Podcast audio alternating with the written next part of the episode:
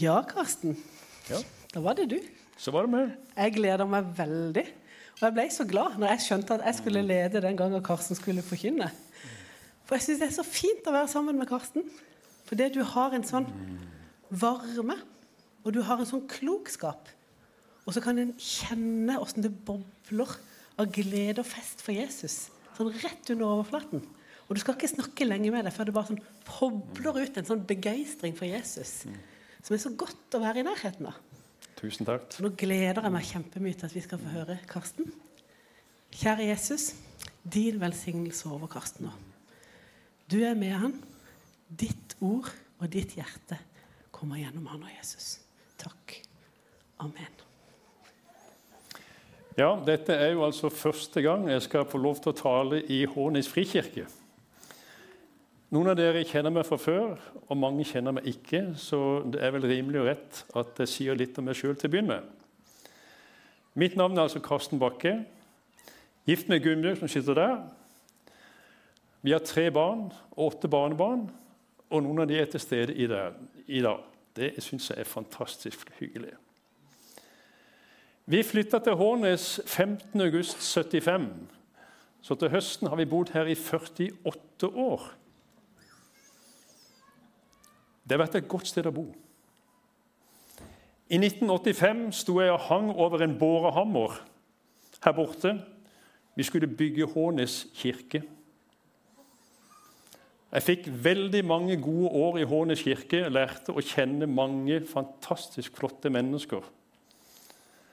Og Når jeg står og hører på de unge her, som har et musikalsk uttrykk og en sang som er deres, men som kanskje er litt fremmed for meg Men jeg gleder meg over ungdommen som er her, for det er jo de som er framtida. Men jeg vokste opp med en helt annen kultur og en helt annen sangvalg.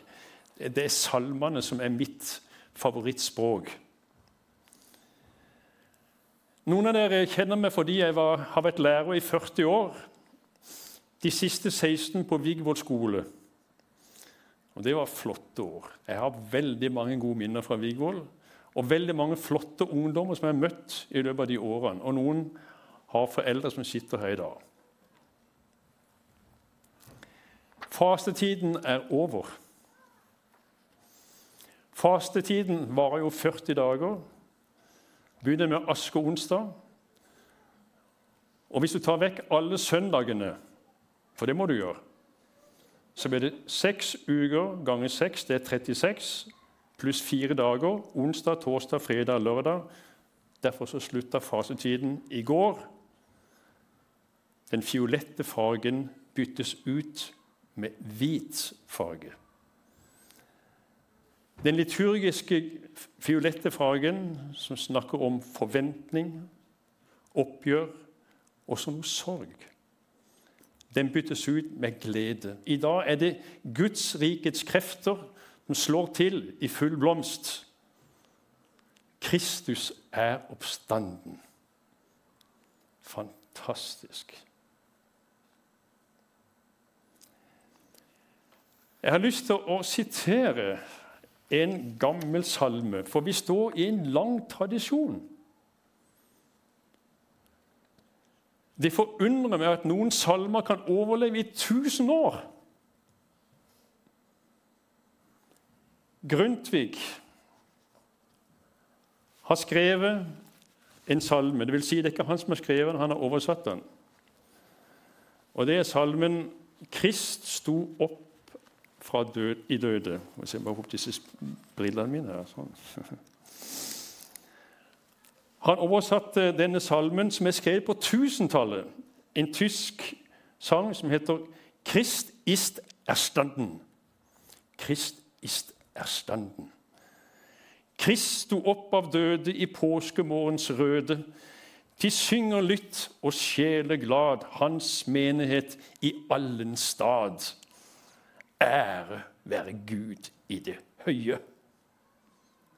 Det er gammelt språk, men tenk, i tusen år har den salmen levd. Det er jo fantastisk. Det er gledens dag. Det er gleden som står i sentrum. Lyset som seirer over døde, døden. Men så tenker jeg hvordan var det for de første kristne? Hvordan var det for disiplene den dagen? Jeg har forsøkt å tenke meg inn i den disippelflokken fra langfredag og fram til i dag. Jeg tror de hadde sovet dårlig. Kanskje hadde de ikke sovet i det hele tatt. For livet rausa jo sammen på langfredag. De hadde gått sammen i tre år. De hadde sett at han kunne bare si et ord, så stilla stormen seg. Han vekte opp Lasarus fra de døde. Han ga blinde syn tilbake. Mett av 5000. Han hadde jo full kontroll. Hva er det som skjer? Han lar seg binde. Han lar seg spotte, han lar seg spytte på. Han, og aller verst, han lar seg henge opp på et kors. Han gjør jo ingen motstand! Hadde jeg vært i den disippelflokken, hadde jeg tenkt Jesus, hvorfor svikter du meg nå? Hele livet mitt rauser jo sammen. I tre år har jeg sett din makt. I tre år har jeg lært å elske det. Og så bang, så forsvinner du på et kors. Hva er dette for noe? Jeg tror det var et sjokk for disiplene. Et skikkelig sjokk. Men noen måtte denne dagen gå til grava. De hadde fått et oppdrag. De hadde med seg salver.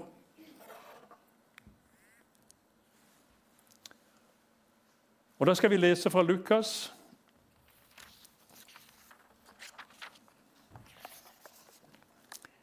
Ved daggry, den første dagen i uken, kom kvinnen til graven og hadde med seg de velluktende oljene som de hadde laget i stand.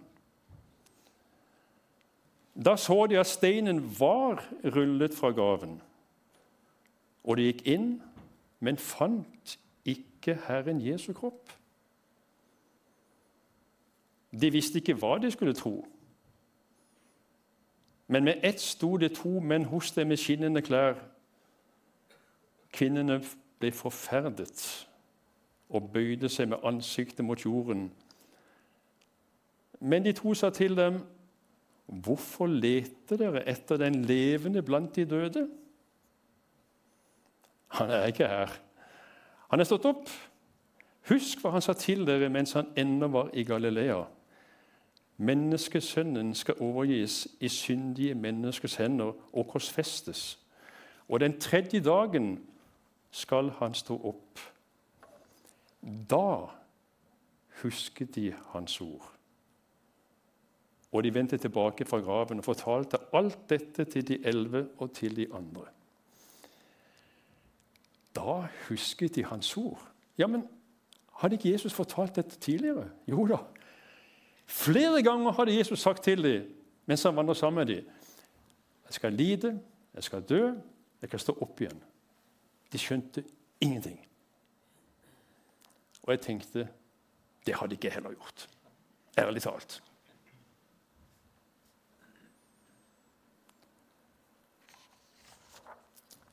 Lukas forteller om kvinnene som kom til graven. Hvem var, de, hvem var disse kvinnene?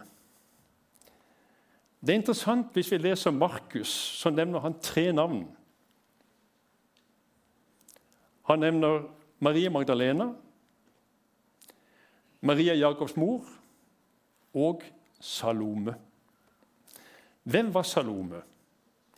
Salome mener de fleste bibelforskere det var mor til Jakob og Johannes, og faren het Sebedeus.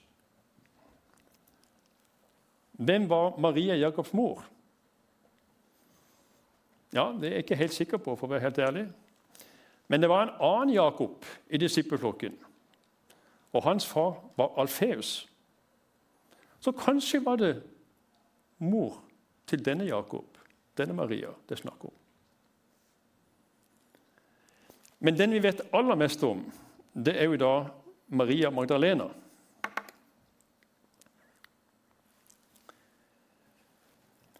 Inger Lise Skauge hun har skrevet ei bok som heter Få, øh, Få søstre ja, vent litt, Mine bibelske søstre heter den.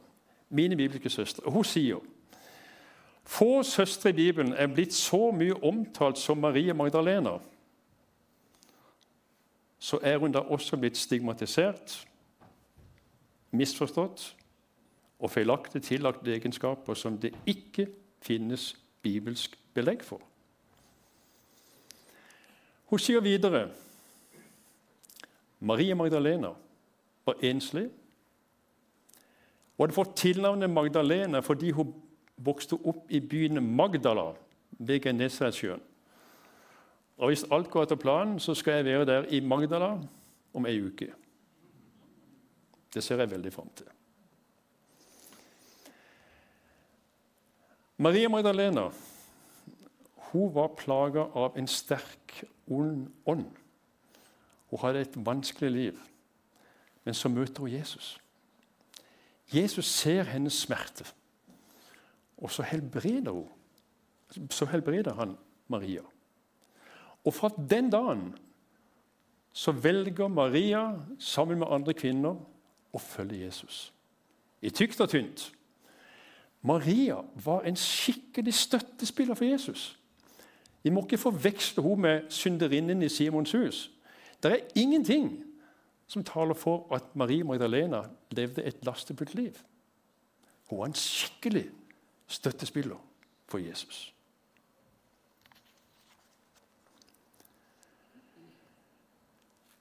Jeg syns evangelisten Lukas har en utrolig vakker skildring av møtet denne påskemorgenen mellom Maria Magdalena og Jesus.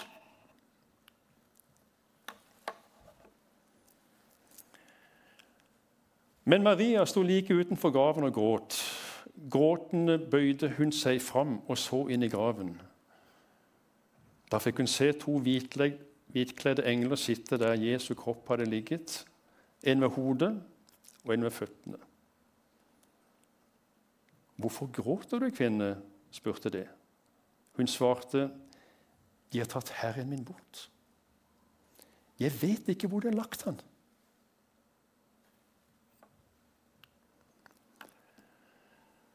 I det samme snudde hun seg og så Jesus stå der. Men hun skjønte ikke at det var han. Hvorfor gråter du, kvinne? Spør Jesus. Hvem leter du etter? Hun trodde det var gartneren og sa til ham, 'Herre, hvis du har tatt ham bort, så si meg hvor du har lagt ham, så skal jeg ta ham med meg.' Maria, sa Jesus. Da snudde hun seg til ham og sa på hebraisk, 'Rabbuni'. Det betyr mester. Sannsynligvis var Maria Magdalena den første som så Jesus fysisk etter oppstandelsen. Og Jeg syns jo det er utrolig flott å tenke på. Altså, Kvinner på den tida de hadde nesten ingenting de skulle sagt. De var ikke troverdige vitner i rettssaker. noen ting. De ble sett ned på. Og så får ei kvinne den æren å møte den oppstandende Jesus Kristus som den første. Det må vel sies å være en fantastisk oppgradering av kvinner.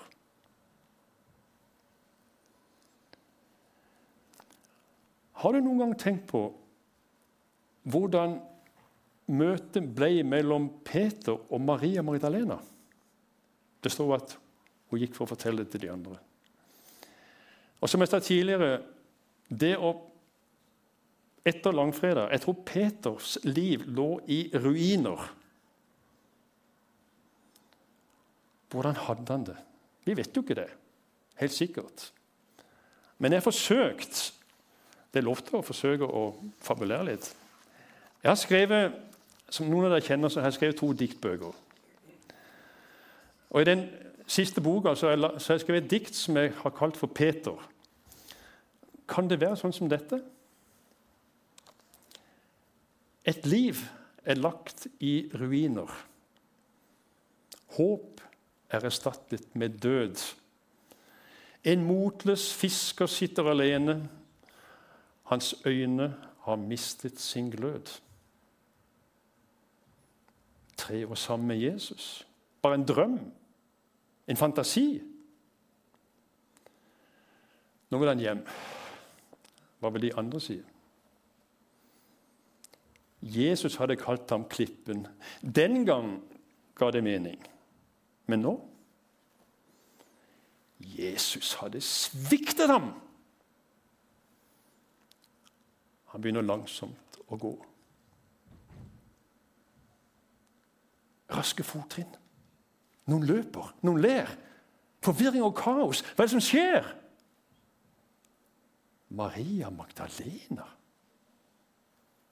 Leppene bever. Så stotrer hun frem. 'Jesus lever!' Han kan ikke tro det. Løper likevel av sted, finner graven og likkledet like ved. Tre år sammen med Jesus. Så var det likevel sant! Det var han selv som hadde sviktet, men som likevel vant.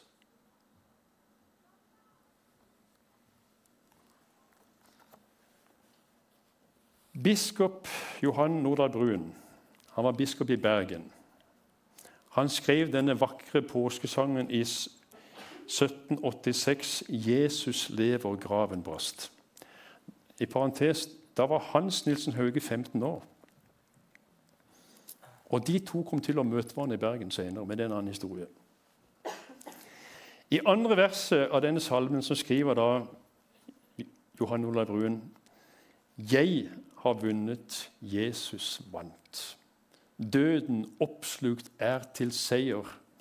Jesus mørkets første bandt. Jeg den kjøpte frihet eier. Åpen har jeg himmelen funnet. Jesus vant, og jeg har vunnet. Kan vi stole på at Jesus virkelig sto opp fra de døde?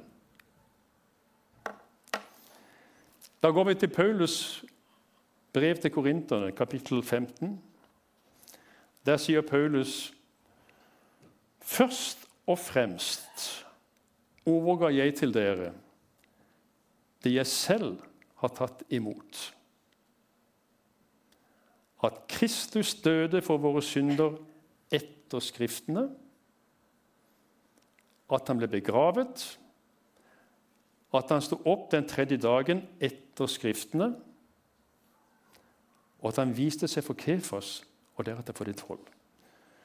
Deretter viste han seg for mer enn 500 søsken på en gang. Av dem lever de fleste ennå, men noen er sovnet inn. Vi fikk jo tidligere demonstrert dette her. Altså Det skal noe til at 500 får en hallusinasjon på en gang og ser det samme. Det tror jeg ingenting på. Og det er ikke noe forskning som støtter det.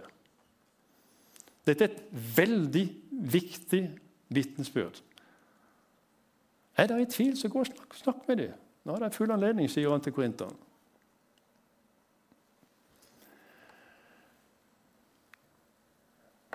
Johannes i sitt første brev han følger opp med å si det som var fra begynnelsen, det vi har hørt, det vi har sett med våre egne øyne, det vi så, og som hendene våre tok på, det forkynner vi dere, livets ord. Altså, de har hørt Jesus, de har sett ham, de har tatt på ham. Også etter oppstandelsen. Kan jeg huske Thomas som stakk fingeren i sida? Han tvilte, så sa han, 'Å, min Herre og Gud'. Da var han ikke i tvil lenger. Kan vitenskapen hjelpe oss? Noen tenker jo at vitenskap og tro er to helt forskjellige ting, men det er det jo slett ikke. Mange ganger så kan vitenskapen støtte opp om det som står i Bibelen. Det ble nevnt her i stad likkledet Torino. Jostein Andreassen, som bor i Søgne, han er en veldig god venn av meg. Og Han skrev da i denne boka i 2011 likledd i Torino. Senere har han og Oddvar Søvi gitt ut en mindre bok som heter 'Torino-kledet', der tro og vitenskap møtes. Og Her kunne jeg brukt en time å snakke om den boka, men det har jeg ikke tid til. Bare nevne noen øhm, punkter. For mange mener jo at dette kledet som Jesus lå i, det finnes i dag.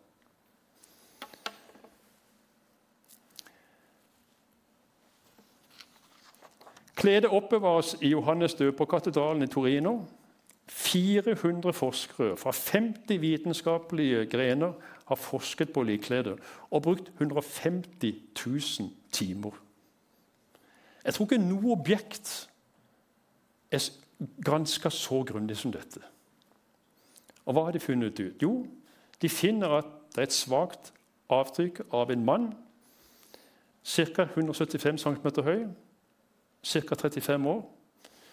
De har talt at det er 372 piskeslag, og de ser at mannen har vært tornekronet. Når Jostein fortalte meg at han var så på dette likkledet, sa han, så jeg ble helt satt ut. Jeg begynte å skjelve. Det var så sterkt å stå der.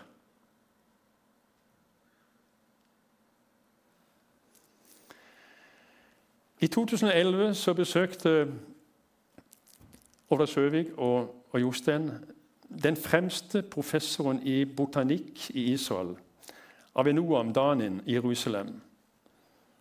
Og Da han fikk se kledet i 1998, så sa han Wow! Noen av de planteavtrykkene her Det er fra blomster som vokser bare rundt Jerusalem. Og de blomstrer ved påsketider.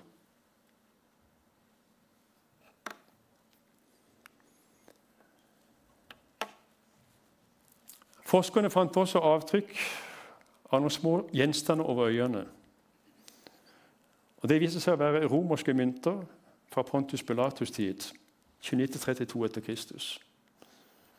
Dette passer jo perfekt til Jesus. Men så kom det jo en innsigelse Kanskje noen har hørt om det, den C14-dateringen fra 1988, hvor Britisk museum sier at nei, nei, nei, nei dette er bare falskneri. Dette kledet ikke mer enn fra 1200-1300-tallet. Bare glem det. Men de har fått mye motstand senere. Det kommer ny forskning som avdekker at der hvor de tok sin prøve, det var et lapper på kledet. Det er en annen struktur i kledet der. For det er en lapp og Det er lagd nå en ny film av en som heter David Rolfe. Og Han har utfordra britiske museum og sagt at hvis dere klarer å lage klede med, med sånne avtrykk, og brukt datidens metoder, så skal dere få en million dollar. Britisk museum er tause. For ingen kan forklare hvordan dette har skjedd. Hvis du spør meg hviler min tro på om dette er sant eller ikke sant, så er svaret selvsagt nei. Jeg bygger ikke min tro på Torino-kledet. Men jeg synes det er utrolig oppmuntrende å se at vitenskap og tro kan gå sammen. Og Da disse vitenskapsmennene ble spurt er det noe i deres forskning som, som strider mot det Bibelen sier, så sa de ingenting. Ingenting. Min tro den hviler på to ting. Kunnskap om hvem Jesus er, og erfaringen med han.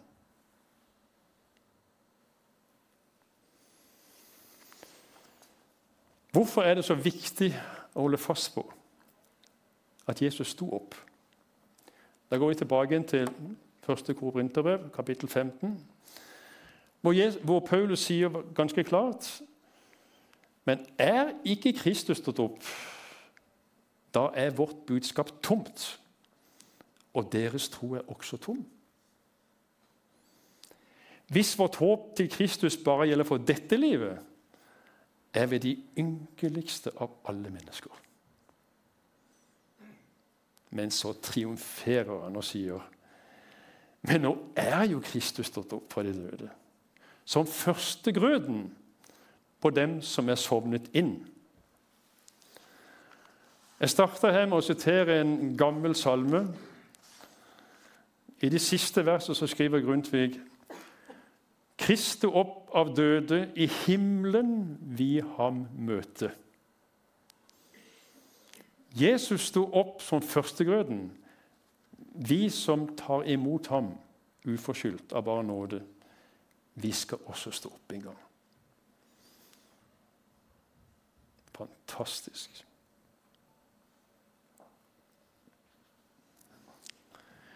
For noen år tilbake så var Gunnbjørg med på en gudstjeneste i eh, Valle kirke borte i Lindesnes på første påskedag. Og Der har de en tradisjon at når den gudstjenesten er ferdig, så går hele menigheten ut på kirkebakken. Så står vi der mellom gravstøttene og så synger Deg være ære, Herre, over dødens makt. Evig skal døden være Kristus underlagt. For en proklamasjon! Mellom gravene. Utrolig flott.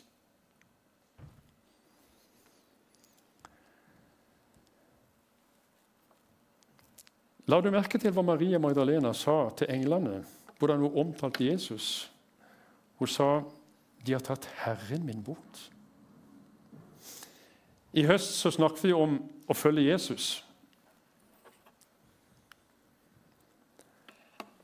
Tro er ikke en følelse, i hvert fall ikke primært en følelse. Det kan være en del av troen, følelsen. Det kan vi ikke underslå.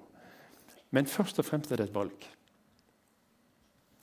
Når Jesus inviterer oss til å følge han, det er en invitasjon. Du kan velge å ikke følge han, eller følge han. Men du følger ikke hvem som helst. Gjør du det? Du følger ikke etter noen mennesker som ikke har vist deg tillit.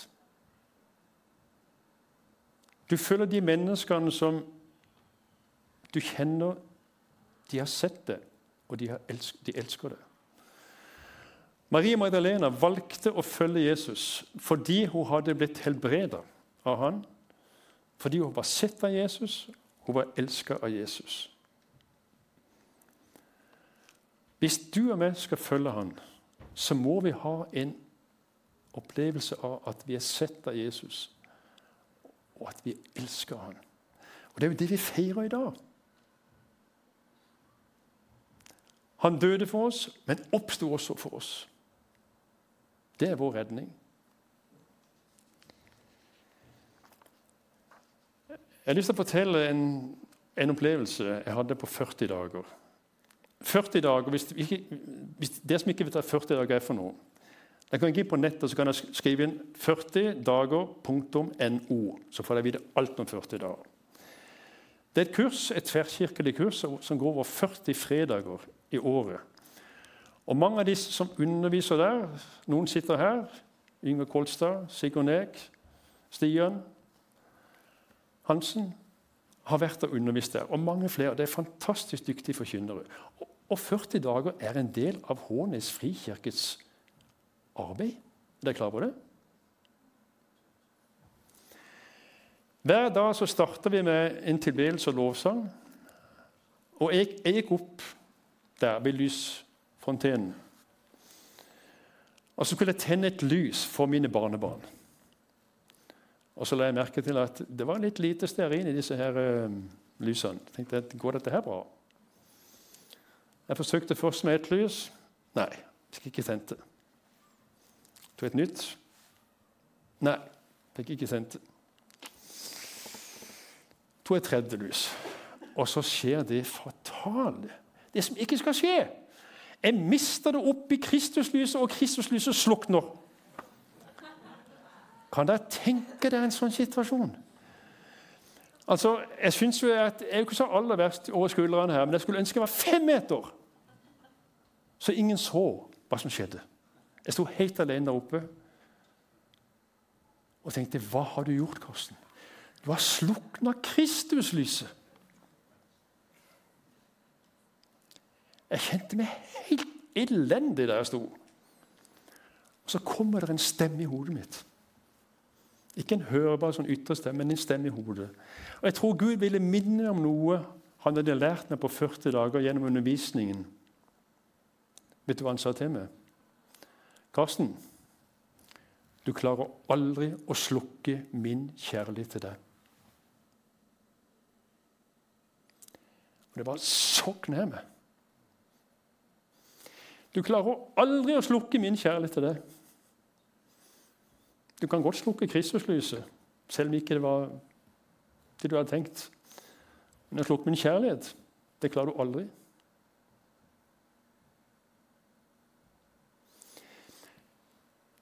Så kan vi tenke ja, men har dette noe rot i Bibelen? Ja. I 2. Timotius brev 2,13 så står det er vi troløse, så er han trofast, for han kan ikke fornekte seg selv. Hva betyr det? Det betyr at Jesus har inngått en ensidig pakt med oss. I Det gamle testamentet så kan vi lese, lese om konger. De hadde en sånn tosidig avtale, en tosidig pakt. Hvis du hjelper meg, så skal jeg hjelpe deg. Men Jesus har aldri sagt hvis du elsker meg, så skal jeg elske deg. Nei. Uansett hva du gjør, så kan ikke han slutte å elske deg. Er det fortjent? Nei. Ikke i det hele tatt. Og det er det som For meg er det et mysterium at han kan, at han kan elske meg på tross av alt jeg gjør.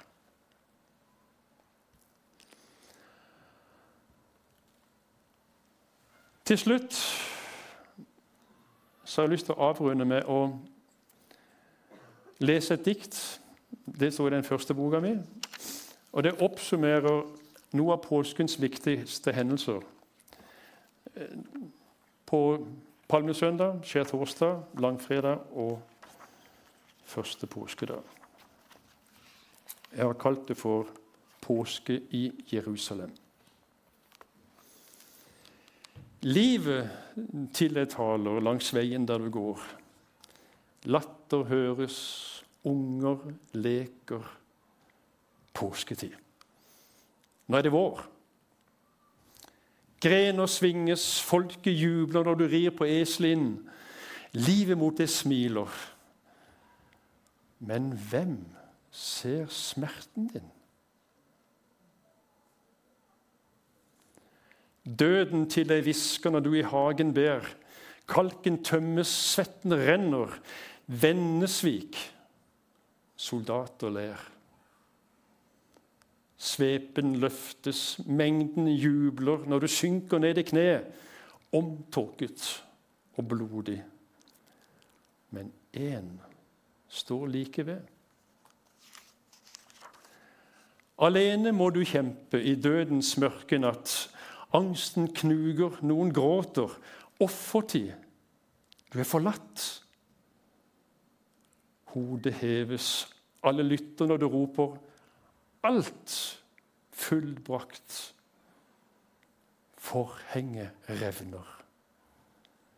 En ny tid er skapt.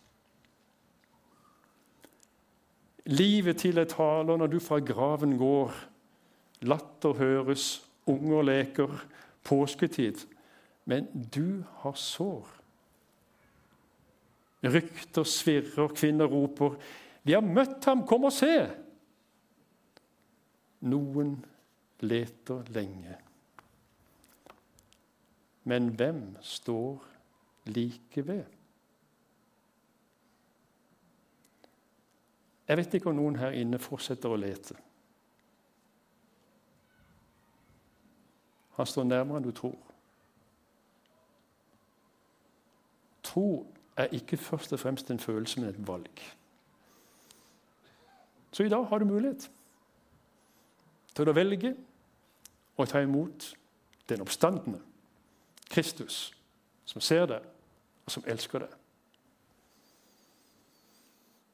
Kjære Jesus, takk for at du sto opp. Takk for din seier. Takk for at din seier er også min seier og vår seier.